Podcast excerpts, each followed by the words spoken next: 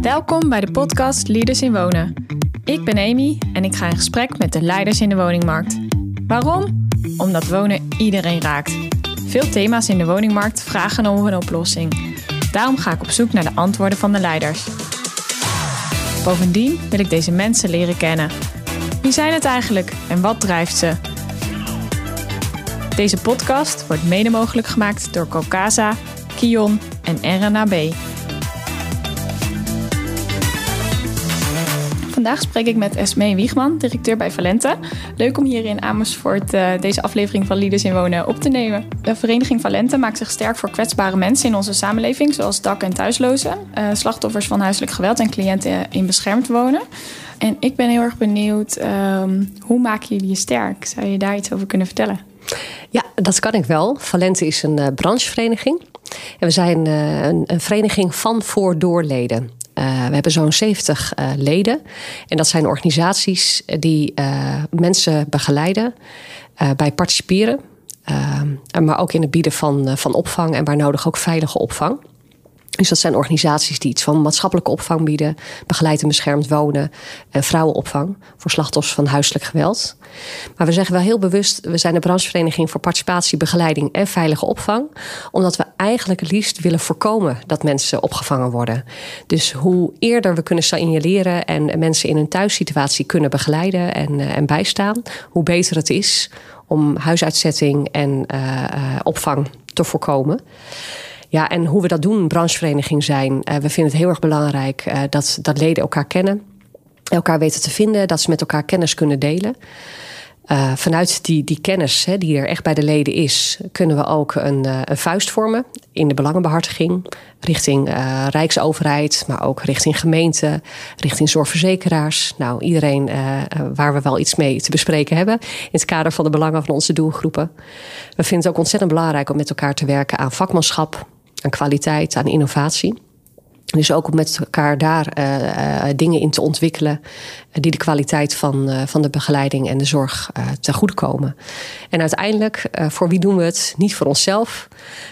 we doen het echt ook voor de mensen voor wie we er zijn. nou, aan de onderkant van de samenleving. Mensen in een kwetsbare positie. En je hebt het dan over de leden. Wie zijn dan precies de leden? Nou, de leden dat zijn organisaties die maatschappelijke opvang bieden, beschermd wonen bieden, vrouwenopvang bieden. Uh, sommige organisaties zijn heel groot en bieden alle drie de vormen van zorg. Maar er zijn ook hele kleine leden die bijvoorbeeld alleen uh, beschermd wonen bieden, of alleen vrouwenopvang bieden, of twee van de, van de drie onderdelen. Dus die diversiteit is er. Hoe vaak komen jullie bij elkaar of hoe zijn die overleggen binnen de vereniging? Uh, nou, we zeggen eigenlijk het hart van de vereniging uh, wordt gevormd door drie basisnetwerken. En in die basisnetwerken, daar verenigen, ontmoeten de leden elkaar rondom de thema's maatschappelijke opvang, begeleid en beschermd wonen en de vrouwenopvang. En binnen die basisnetwerken, nou, daar, daar vindt ontzettend veel kennisdeling plaats. Of dat daar het initiatief wordt genomen van hé, hey, we gaan een bepaald traject ten behoeve van kwaliteitsontwikkeling uitzetten.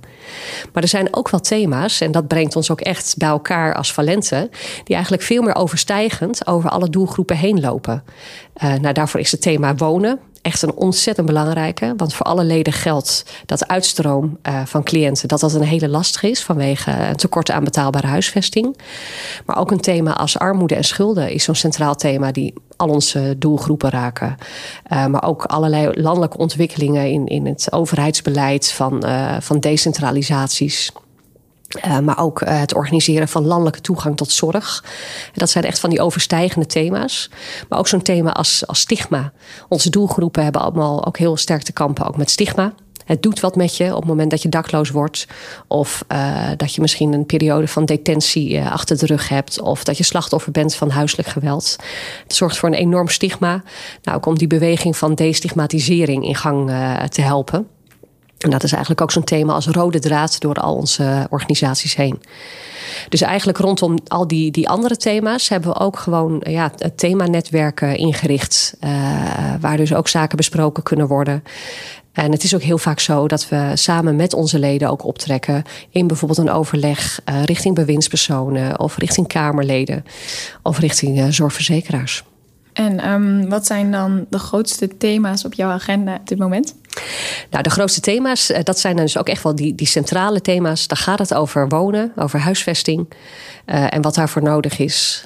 daar gaat het over schulden, dat daar de goede begeleiding op is. Dan gaat het over stigma. Uh, maar het gaat ook echt over het overheidsbeleid. Dat, dat zijn wat, wat, wat meer technische onderwerpen. Maar uiteindelijk ook uh, de decentralisatie en doordecentralisatie van zorg is een hele belangrijke. Maar ook landelijke toegang. Uh, want heel vaak hebben onze cliënten ook ermee te maken als ze zich ergens melden bij een loket. Uh, dat er dan aanvankelijk niet thuis wordt gegeven, omdat de papieren niet op orde zijn. Dus om, om, echt in beeld te zijn en uiteindelijk ook toegang te krijgen tot zorg die nodig is, dat is niet eenvoudig. Ja, kun je daar iets meer over vertellen? Want um, hoe komen mensen in aanraking met jullie leden? Of hoe werkt dat proces dan uh, precies? Of wat zie jij in de praktijk? Ja, dat zijn heel veel verschillende routes. Um, en een van de kenmerkende dingen is denk ik wel... wanneer komen uh, mensen ook echt bij onze leden terecht? Uh, nou, dan is de, de problematiek echt wel groot en vaak ook wel complex. Neem zo'n thema als dakloosheid. Uh, kijk, op het moment dat jij of ik vandaag of morgen uh, eigenlijk heel onverwachts uh, ons veilig huis kwijtraken. bijvoorbeeld omdat, omdat mijn man zegt van Toedeloe dat ik niet meer in mijn huis terecht zou kunnen. Nou, dan heb ik eigenlijk best een heel goed sociaal netwerk. Dat ik zeg, nou weet je, uh, ik, ik kan naar mijn moeder toe, of broers en zussen of vrienden. Kan ik daar voorlopig wel terecht? Ik heb gewoon mijn baan, ik heb mijn inkomen. En vanuit die situatie ga ik gewoon opnieuw huisvesting zoeken. Uh, dat is misschien tegenwoordig niet heel eenvoudig, maar ik heb een vangnet. Maar op het moment dat er veel meer speelt, namelijk ik heb geen goed sociaal netwerk waar ik terecht kan. Of ik heb uh, psychische problemen waardoor het echt lastig is om echt mijn leven nog een beetje verder op orde te houden. Of ik heb misschien een verslavingsprobleem. Of nou, noem maar, maar op. Als het complexer wordt, nou, dan, dan kan het echt betekenen dat mensen gewoon hulp nodig hebben. En uiteindelijk moeten aankloppen bij, uh, bij maatschappelijke opvang. Uh, ja, omdat er gewoon geen, geen andere weg is. Maar het hele jammer is hè, op het moment dat, dat mensen aankloppen bij maatschappelijke opvang. Oh, en, je, en je ziet dan even een geschiedenis terug van wat is allemaal vooraf gegaan. Dat je denkt, uh, wat jammer dat het zo ver heeft moeten komen en dat er niet eerder al iets gesignaleerd is. En waar zou dat uh, wel kunnen? Met welke partij werken jullie dan veel samen die daarvoor eigenlijk nog zitten? Ja, en dan is het dus heel erg belangrijk. Uh, neem zoiets als het voorkomen van, van dakloosheid. Um, uh, vaak uh, kunnen er al vroeg signalen zijn hè, op het moment dat bijvoorbeeld de huur niet meer betaald wordt of bepaalde rekeningen worden niet meer betaald. Dat er dan ergens een alarmbelletje gaat klinken. Zo van hé, hey, wat is in die situatie aan de hand? En kijk, een woningcorporatie, die, die heeft natuurlijk ook echt een, een huisvestingstaak. En vaak zie je ook wel dat een woningcorporatie ook best iets meer wil doen dan alleen de rekening sturen natuurlijk voor de huur. Uh, maar dan zou het heel goed zijn als zo'n woningcorporatie ook heel snel ook wel zou kunnen schakelen met, uh, met onze leden. Op het moment dat er gewoon meer aan de hand is. Dat je zegt van hé, hey, let op. Uh, en in plaats van het zo ver te laten komen dat een woningcorporatie zegt: ja, ik kan nu echt niks anders dan huisuitzetting en ik trek mijn handen ervan af. dat je eigenlijk met elkaar al heel vroeg kunt kijken: wat is nu in deze situatie nodig aan begeleiding? Dat iemand kan blijven wonen. Uh, maar dat het wel ook hanteerbaar is. Allereerst voor de, de persoon zelf, want die zit echt in de problemen. Maar ook voor zijn omgeving. Hè. Dat, uh, vaak heb je ook wel van die situaties, dan wordt geklaagd over overlast. Dat wil je natuurlijk voorkomen. Maar de eerste aandacht moet echt uitgaan naar, naar de mensen in de problemen. En die um, samenwerkingen liggen er dus wel met woningcorporaties of te weinig? Uh, ik, ik denk dat dat beter kan. Ja. Er zijn gelukkig hele goede voorbeelden. Uh, van situaties hoe dat loopt. En uh, in die situaties zie je bijvoorbeeld ook dat er uh, hele mooie afspraken gewoon zijn gemaakt met gemeenten, met woningcorporaties, met zorgaanbieders, eigenlijk in die driehoek. En dat die heel goed met elkaar scherp hebben van hoe doen we dat, ook met het huisvestingen ook van, van aandachtsgroepen. hoe informeren we elkaar ook over de begeleiding. En soms ook nog verdergaand. Uh, dat woningcorporaties en zorgorganisaties bijvoorbeeld uh, uh, hele mooie nieuwe woonconcepten ook met elkaar weten te bedenken. Waardoor je ja, ook veel meer ook gebruik maakt van de sociale omgeving van huurders die begeleiding nodig hebben. Dat je eigenlijk een veel sterker concept hebt, wat ook een wijk tegelijk ook veel sterker maakt. Kan je zo'n voorbeeld noemen? Ja, nou, het, is, misschien wel aardig om, uh, om, om te noemen de actieagenda wonen, die uh, vorig jaar is opgesteld.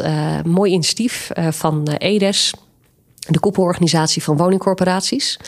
Uh, en die zei, uh, nou ja, er was nog geen nieuw kabinet, maar nou, wonen moet veel meer aandacht gaan krijgen. Laten we met elkaar de krachten bundelen.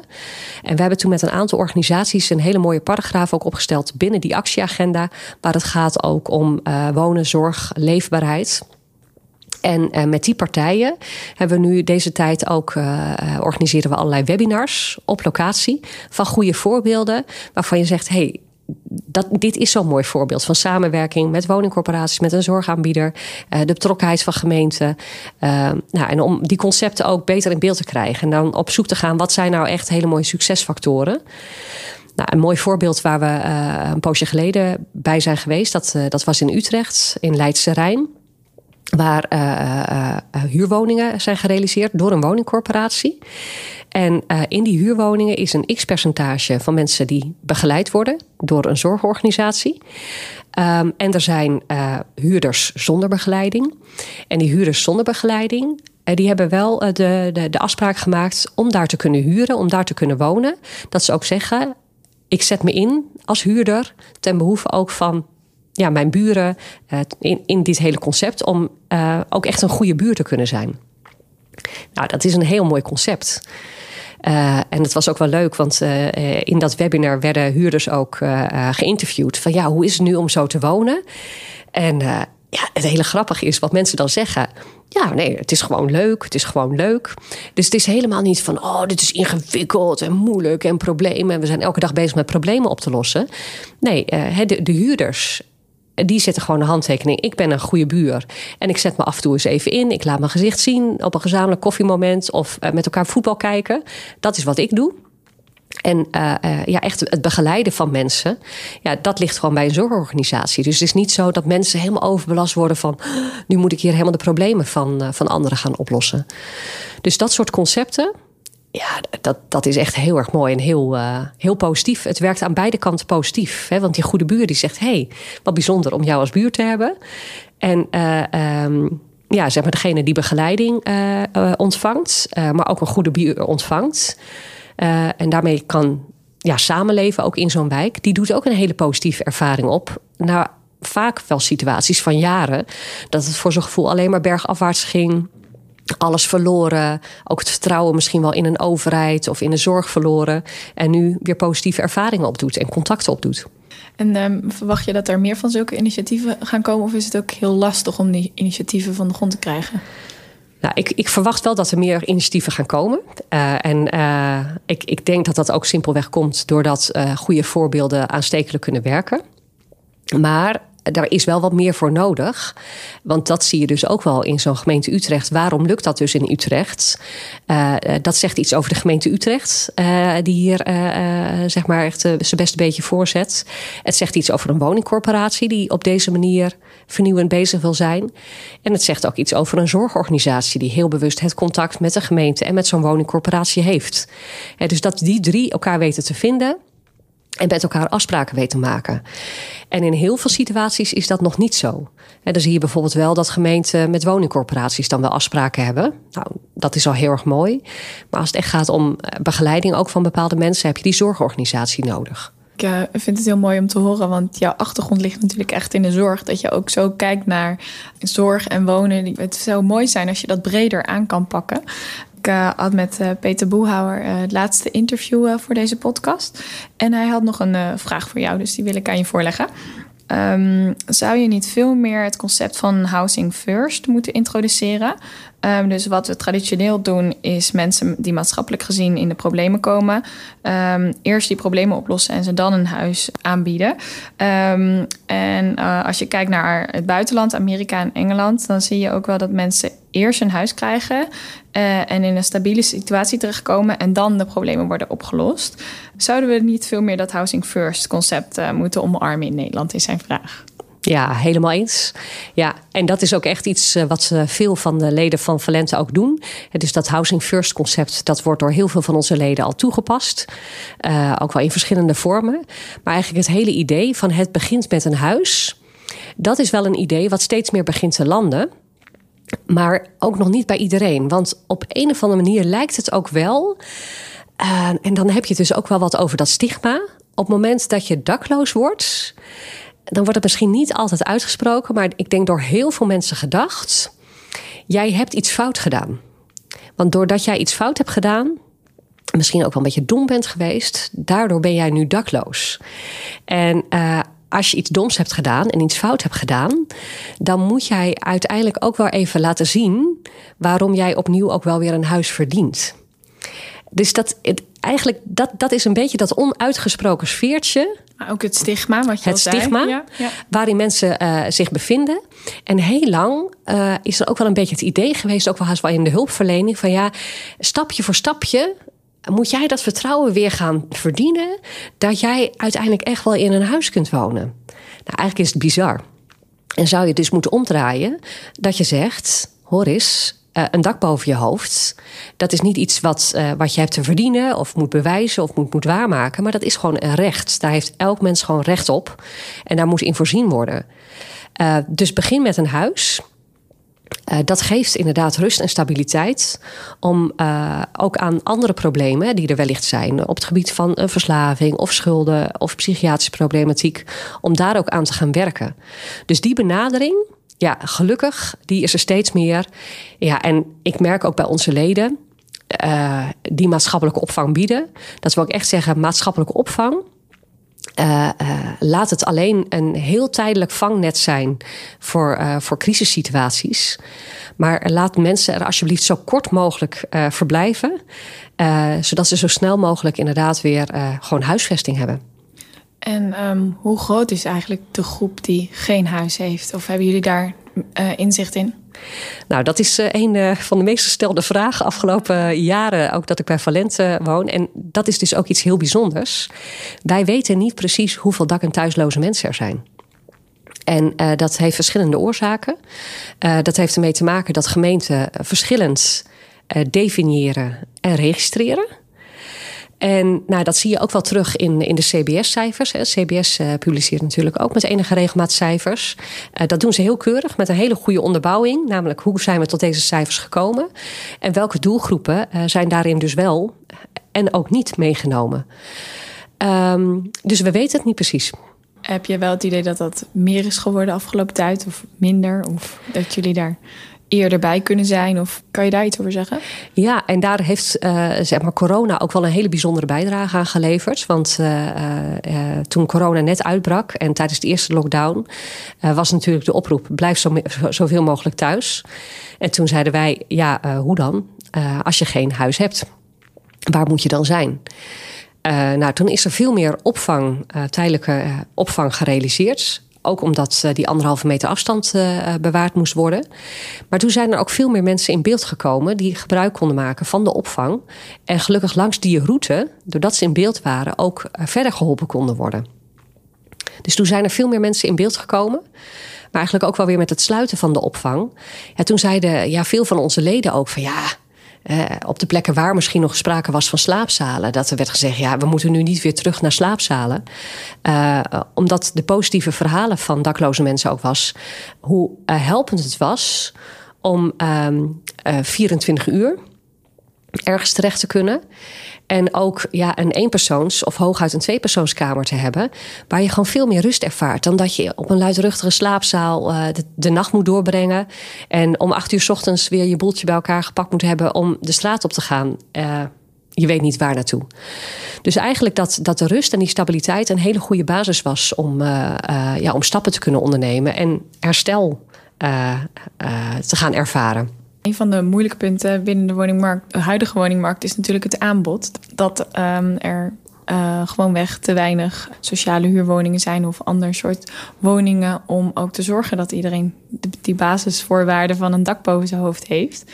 Um, maar um, nu is er vorige week uh, wel uh, een mooi programma aangekondigd. en thuis voor iedereen. Het tweede van de zes programma's onder het Nationale Wonen- en Bouwagenda. Zou je daar iets meer kunnen over kunnen vertellen? En dan vooral ook welke rol jullie daarin hebben gespeeld en wat je verwacht van um, dit plan. Ja. ja, nou, ik ben ontzettend blij met het programma Een Thuis voor Iedereen. En ik ben ontzettend blij dat volkshuisvesting weer op de agenda staat van de politiek. Het is natuurlijk heel bizar geweest dat het gewoon een aantal jaren gewoon helemaal wegleek. We hadden zelfs ook geen minister voor volkshuisvesting meer. En ook ergens het idee heeft, denk ik wel, uh, is gaan leven.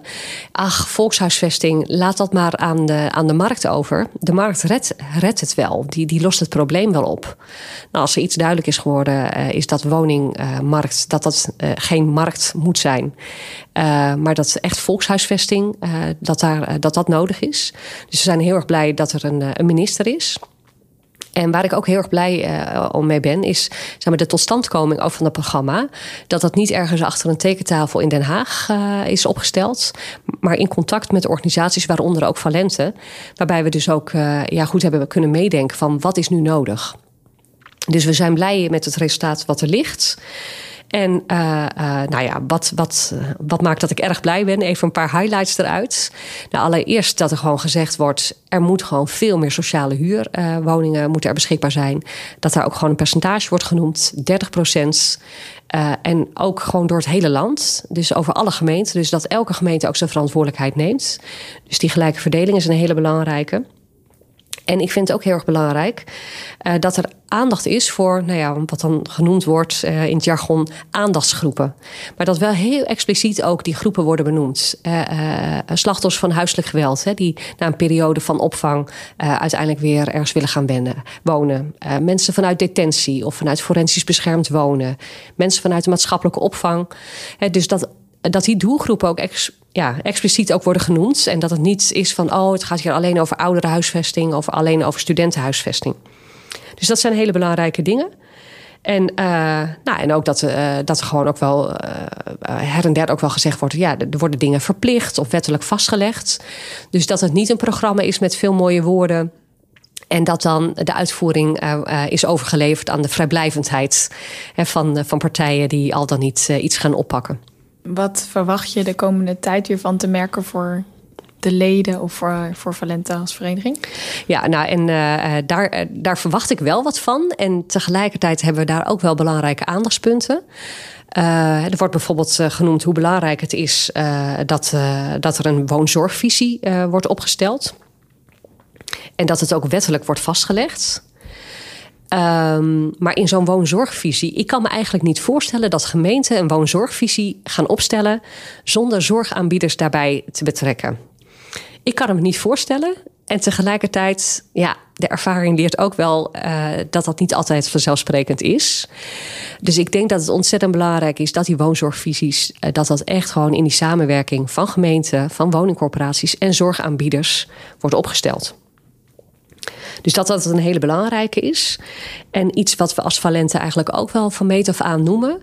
Uh, wij spreken eerder over de 30% 30% regeling. Dus twee keer 30%. Dus dat je zegt van die 30% sociale huisvesting.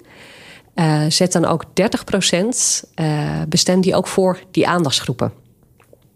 Ja, want er zijn natuurlijk veel mensen die, uh, uh, die graag een betaalbaar huis willen. de starters, zo zijn er ook allerlei uh, groepen te noemen. Maar dat we zeggen, nou, reserveer dan ook 30% van die 30% heel specifiek voor die aandachtsgroepen. En um, merk je dat nu er een grotere groep naartoe gaat? Of als dat niet um, wordt gedaan, wat, wat betekent het dan voor die 30% uh, woningen? Uh, daar zijn we dus wel heel erg benieuwd naar. Kijk, wat we nu merken, al onze leden ervaren problemen met de uitstroom. dus zowel uitstroom vanuit de daklozenopvang, uitstroom vanuit beschermd wonen, uitstroom vanuit de vrouwenopvang. Hè. Dus ja, ook even net die vraag hè, van merk je dat er een toename is van de problemen. Nou, we, merken nu gewoon echt op alle fronten is die druk heel erg hoog. Uh, en dat heeft aan de ene kant te maken met uh, een toename van mensen die in de problemen komen. Maar ook vanwege de gebrekkige uitstroom, hoe lastig het is. Ook al zijn mensen er klaar voor, dat je zegt: ja, wat doe je hier eigenlijk nog in de opvang? Of uh, vanuit beschermd wonen. Je kunt echt met begeleiding ook weer thuis gaan wonen. Ja, dat het vaak een kwestie is van wachten tot er een beschikbare plek is. Dus daarin, uh, daarin moet echt wat gebeuren. En ook, ja, bijvoorbeeld ook slachtoffers van huiselijk geweld die dan vanuit de vrouwenopvang komen. Het is mij ook opgevallen dat in heel veel gemeenten uh, er geen urgentieregeling is voor deze doelgroepen bijvoorbeeld. Terwijl je zegt, ja, dat moet je echt willen. En zeker ook vrouwen met kinderen. Ja, kinderen wil je eigenlijk gewoon helemaal niet in de opvang hebben. Um, zijn er andere punten waarvan je zegt dat wil ik nog aanhalen uit, uit dit programma, wat voor ons wel uh, heel belangrijk is of waar we goed uh, op monitoren? Ja, nou, we weten allemaal dat uh, uiteindelijk het bouwen van wonen, daar gaat altijd wat tijd overheen. terwijl ja, de urgentie er nu is. en dat we ook zeggen, kijk ondertussen ook naar andere mogelijkheden. Dus we weten ook dat er veel bestaand vastgoed is wat best geschikt zou kunnen zijn om omgebouwd te worden tot woningen. Nou, maak daar werk van. Dus daar meer aandacht uh, voor te hebben. Maar ook het delen van een woning. Uh, dat is ook vaak lastig. Dus woningcorporaties die hanteren nog wel eens de regeling ja, dat er maar één iemand een woning mag huren. Maar stel je voor, mensen die stromen uit vanuit beschermd wonen. en die hebben er juist eigenlijk ook wel wat aan om samen met iemand te kunnen gaan wonen. Dat je ook echt steun hebt aan elkaar. Dat je ook veel meer flexibiliteit gaat hebben, ook in huurcontracten. Er wordt wel gesproken dan over friends-contracten. Dat meer mensen uh, zo'n huurwoning uh, daar kunnen wonen. Dus dat woningdelen, dat is ook wel een hele belangrijke. Nou, een van de dingen die nu al wel gebeurt, is de, de zogenaamde kostendelersnorm. En daar, uh, dat, dat was een probleem ook van de afgelopen jaren. Dat er ook veel dakloze jonge mensen gevonden werden op straat. Ja, en dat had ermee te maken dat ze op hun achttiende bijvoorbeeld niet meer thuis konden wonen. Omdat dan de uitkering van de ouders in gevaar kwam. Ja, en dat je, dat je ook voor die jongeren ook de mogelijkheid biedt dat ze gewoon ook langer, als ze willen, als het uh, mogelijk is, uh, nog thuis kunnen blijven wonen. Zonder dat de uitkering van de ouders meteen in het gevaar komt. En jij zei nog um, eerder in je verhaal uh, dat die woonzorgvisie dat die opgesteld moest worden tussen woningcorporaties, gemeentes en zorginstellingen. Ik was nog wel benieuwd hoe verwacht je dat dat, dat um, tot stand gaat komen? Zijn daar nu al groepen die dan op die manier samenwerken? Of moet dat echt nu uh, van de grond gaan komen, nu dat uh, zo is opgesteld? Nou, we hebben in de afgelopen jaren hebben verschillende van onze leden al mooie ervaringen opgedaan om dit zo te doen. Mm. Uh, er is toen een, een actieprogramma geweest onder de titel Weer Thuis. Um, en die hebben gewerkt om zeg maar van die prestatieafspraken te gaan maken tussen die drie partijen. Dus dat is inmiddels op eh, een eh, aantal plekken in het land gebeurd. Met positief resultaat. Dus toen we vorig jaar om de tafel gingen zitten met Edes en met andere partijen uh, om die actieagenda wonen op te stellen, toen zeiden we ook: hey, die resultaten uit dat programma Weer Thuis, waar we ook samen met Edes hebben samengewerkt, dat is wel heel erg mooi om dat mee te nemen. Um, dat we nu ook echt kunnen gaan doorpakken. En we hoeven nu niet op nul te beginnen en allerlei dingen opnieuw te gaan bedenken. Want er zijn goede voorbeelden uh, ja, vanuit de praktijk uh, waarvan we weten dat is succesvol. Ga dat gewoon nu doen met elkaar. Ja, dus dat is wel echt uh, iets om nu mee te nemen bij dit programma. Kijk daarnaar en pas dat dan ook toe. Ja, ja. ja mooi. Um, zijn er nog andere zaken die ik vergeten ben te vragen rondom wonen en Valente? Ja, ik, ik, ik zit zelf nog wel even te denken. Um, kijk, Valente die bestaat sinds 1 januari 2020. Uh, we zijn een fusieorganisatie van Federatie Opvang en de RIBW-alliantie. En voor mij was 1 januari 2020 ook de start van, uh, van mijn werk bij Valente. En een van de eerste dingen waar ik uh, toen betrokken bij ben geraakt, dat was bij een, een, een traject, een onderzoek van de Raad voor de Volksgezondheid. En die hebben ook toen een heel mooi uh, onderzoek, een heel mooi programma eigenlijk opgeleverd. Uh, met de titel Herstel begint met een huis. Dakloosheid voorkomen en verminderen. Nou, is toen verschenen in april 2020. En ik vind het eigenlijk wel mooi om te zien, nou ja, de dingen die, die de Raad voor de Volksgezondheid uh, toen al heeft benoemd hoe uh, staatssecretaris Paul Blokhuis daarmee verder is gegaan. En die heeft ook gezegd, nou, ik, uh, ik stel ook extra geld beschikbaar uh, om die aanpak van dakloosheid, om daar wat mee te gaan doen. En dat we nu zien bij het, het, huidige kabinet, wat, wat net van start is gegaan, dat, daar hebben we ook gezegd, hè, ga verder daar waar Paul Blokhuis mee, mee gestart is. Dat het ook is gebeurd, dus dat er ook structureel meer geld beschikbaar is voor de aanpak van dakloosheid. Dus nou, ik vind het eigenlijk wel mooi. We zitten nu in 2022. We weten allemaal, hè, de molens die, die, die kunnen af en toe uh, wat langzaam uh, malen.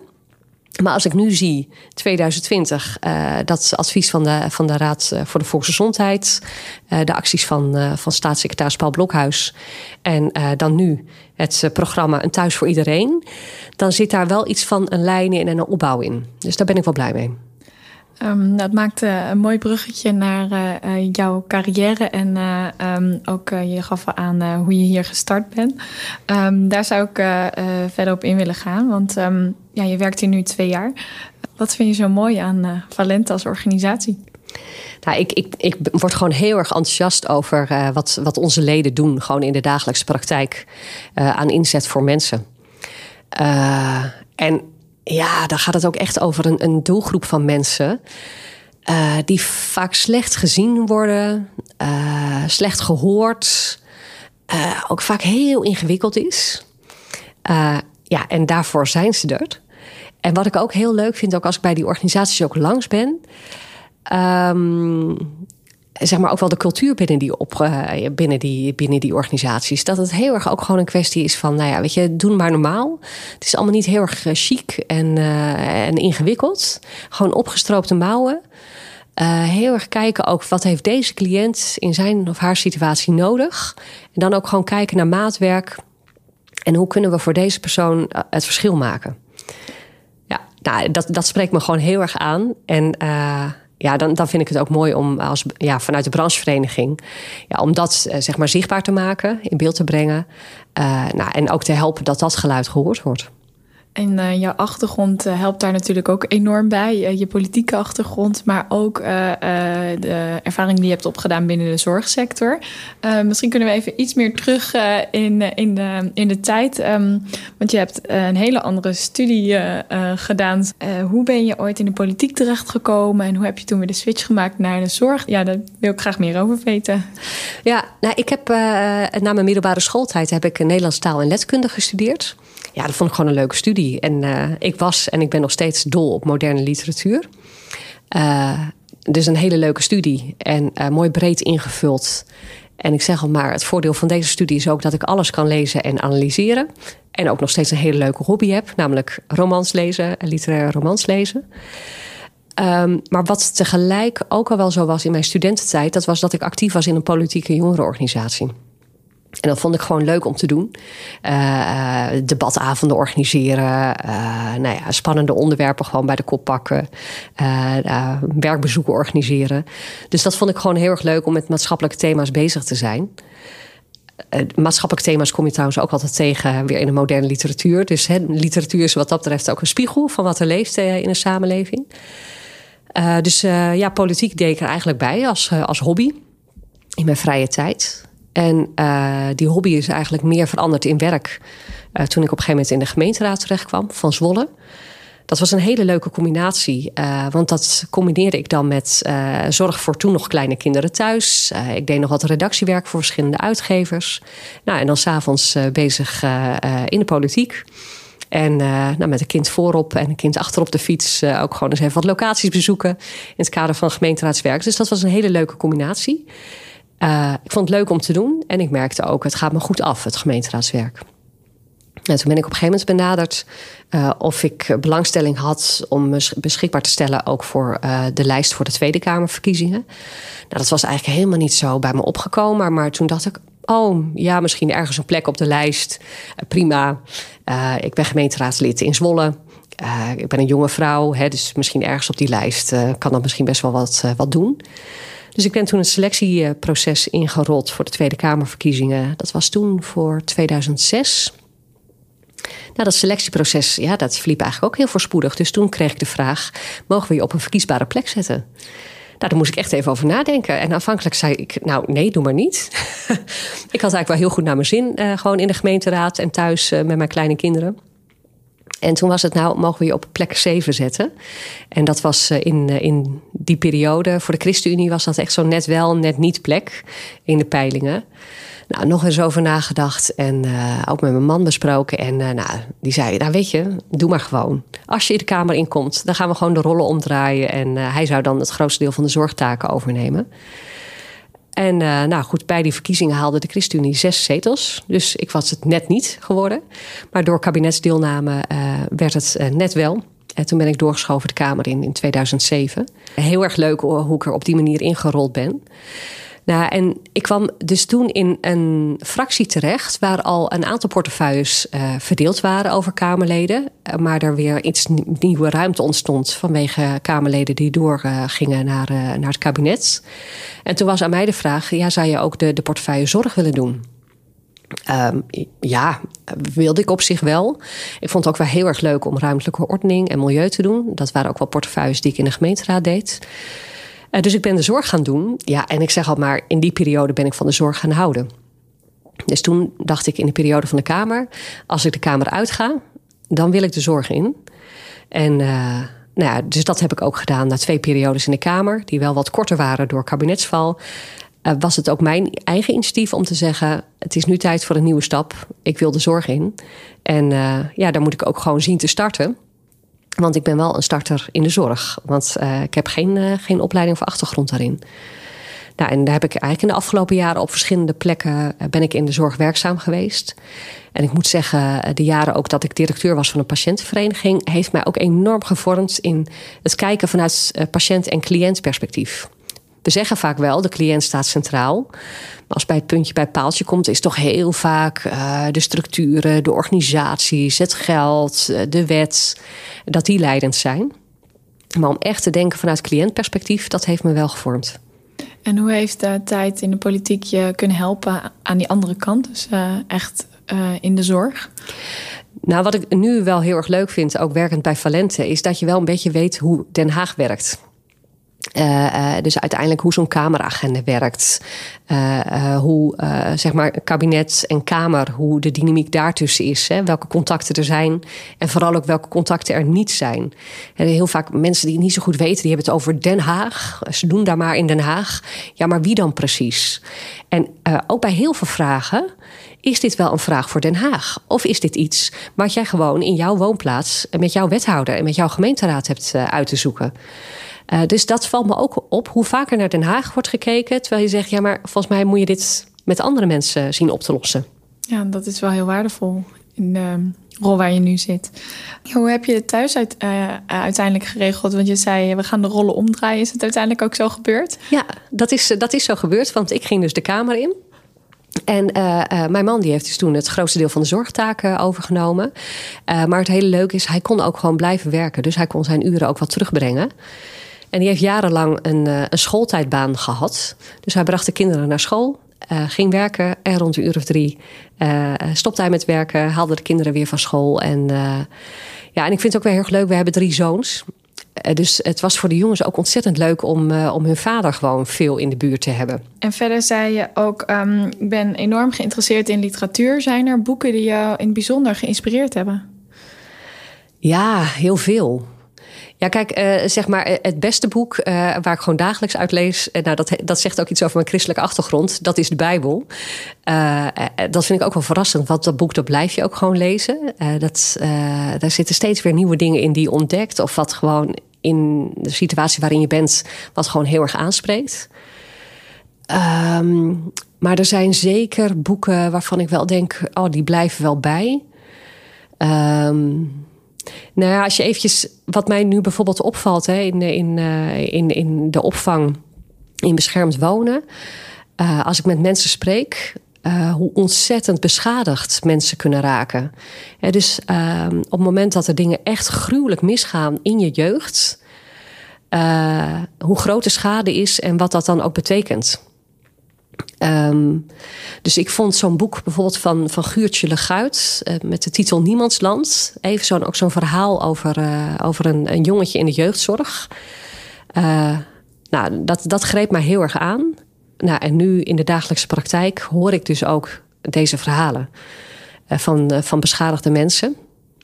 En, ja, en hoe ze daarin zijn vastgelopen. Wat doet dat met jou? Want het is zakelijk, maar het raakt je natuurlijk ook enorm. Hoe, ja. hoe ga je daarmee om? Ja, nou, en daarvan, uh, uh, wat ik mezelf ook heb beloofd, uh, dat is aan de ene kant ben ik me dus wel bewust dat ik op meer een beleidsmatige en bestuurlijke positie zit. En dat ik het dus met beleidsmakers heb over beleid. Maar ik vind het wel belangrijk om mij dagelijks te laten raken door mensen en door verhalen van mensen. Want als ik me daarvoor zou afsluiten, volgens mij mis ik dan uh, de noodzakelijke drive.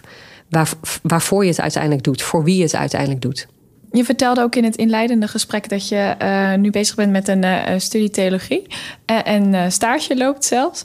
Um, en dat je daar eigenlijk ook wel heel mooi inzichten krijgt in het werk wat je nu doet. Misschien zou je daar ook nog iets over kunnen vertellen. Ja, ja, toen ik uh, in de Tweede Kamer zat, uh, is dat ook uh, de periode geweest dat ik voor het eerst in aanmerking of in aanraking kwam met het thema zingeving, zingeving in de zorg en hoe belangrijk dat is. Ehm, het heeft al direct een hele belangrijke plek gekregen in de palliatieve zorg, hè, dus zorg voor mensen die ongeneeslijk ziek zijn. maar dat ik toen wel ben gaan realiseren, ja, zingeving in de zorg eigenlijk gaat dat overal op. Op het moment dat mensen heel diep geraakt worden uh, in hun gezondheid, in hun bestaan, dan komen er vragen naar boven als: ja, waarom overkomt mij dit? En uh, hoe, hoe kan ik hiermee leven? Hoe kan ik hiermee verder? Dus aandacht voor zingeving in de zorg heb ik altijd belangrijk gevonden. En uh, in de periode dat mijn kinderen ouder werden, uh, de zaterdagen rustiger werden, is bij mij wel het idee ontstaan van: uh, ja, ik heb eigenlijk wel weer zin om te gaan studeren. En uh, ook iets op dit terrein.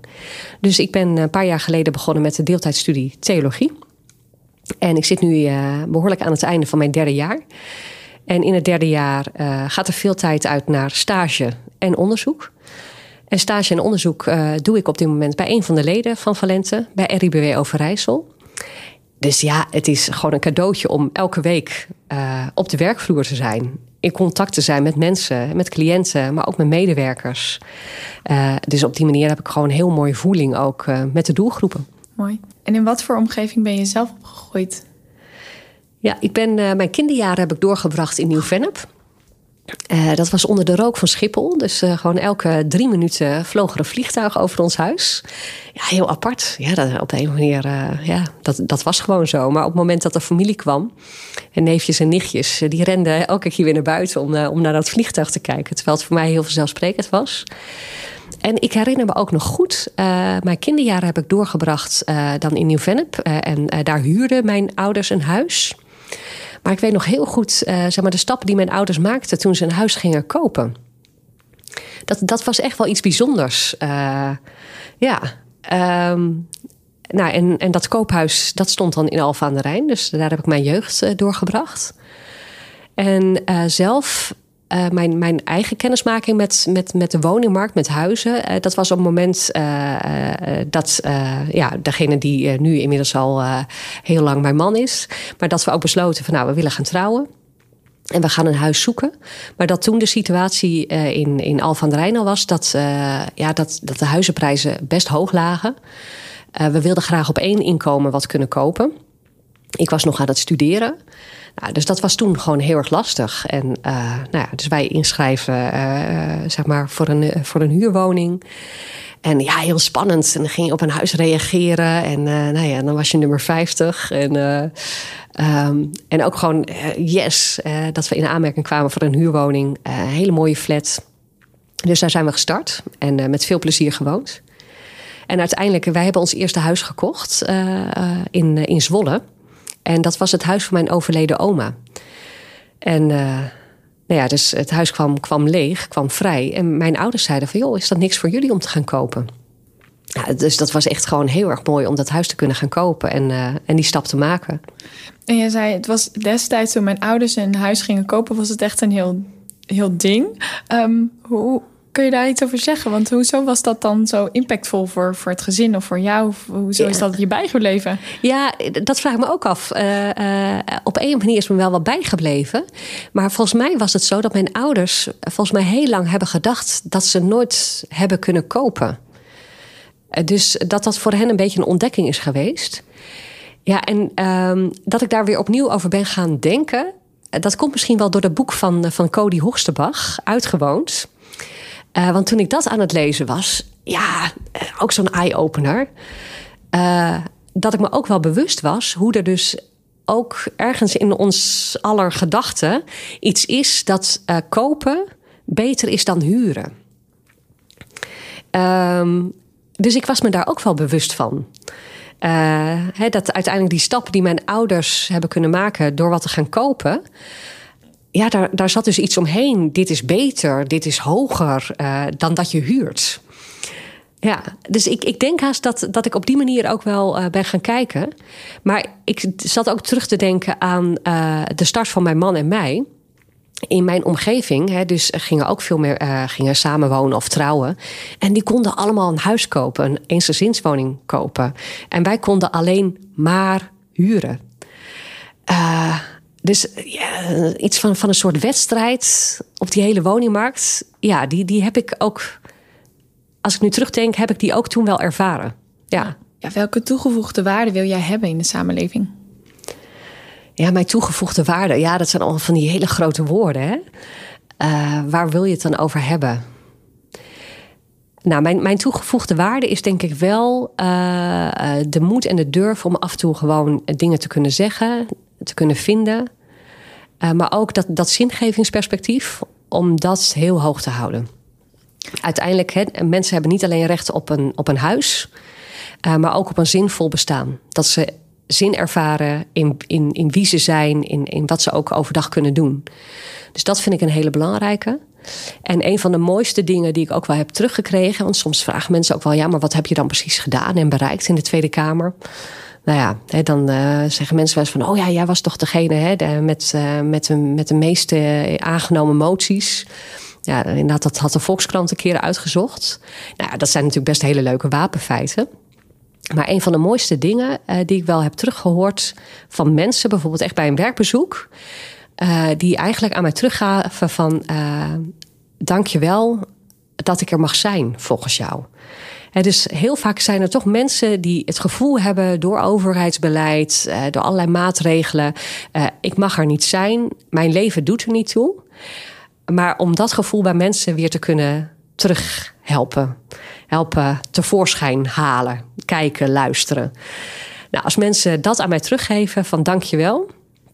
Uh, nou, dan, dan ben ik heel gelukkig. En hoe doe je dat? Want je zegt kijken, luisteren. Is dat, wat moet je daarvoor doen? Om mensen dat gevoel te geven? Of ja, je, je meent het ook. Het is niet alleen het gevoel geven, maar...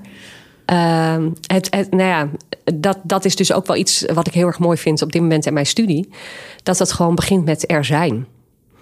Uh, en het, uh, zeg maar ook de problemen van, van een ander ook kunnen verdragen. En dat ik niet aanschuif, dat nog voordat er vragen gesteld worden, dat ik al met antwoorden zou komen.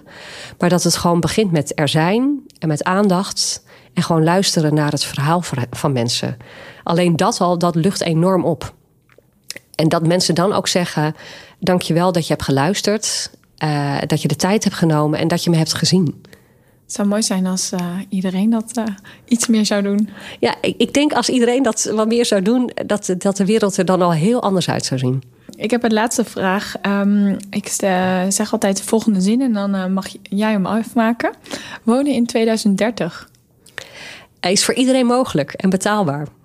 Dankjewel voor dit gesprek. Uh, heel mooi om te zien uh, hoe uh, gemotiveerd je bent om echt er te zijn voor mensen. Um, en ook dan de kwetsbare groepen. En um, de rol die je hier hebt. En wat jij al schetste in het interview, dat we de goede kant op gaan. Uiteindelijk hopen we natuurlijk dat um, er oplossingen komen voor de woningmarkt. Maar ook voor alle groepen die een woning zoeken. En dank je wel voor, voor je open gesprek. Ja, graag gedaan. Leuk dat je luisterde naar de podcast Leaders in Wonen. Voordat we afsluiten wil ik graag de partners van deze podcast bedanken. Calcasa, Kion en RNAB. Vergeet je niet te abonneren bij Spotify of Apple. Tot de volgende aflevering.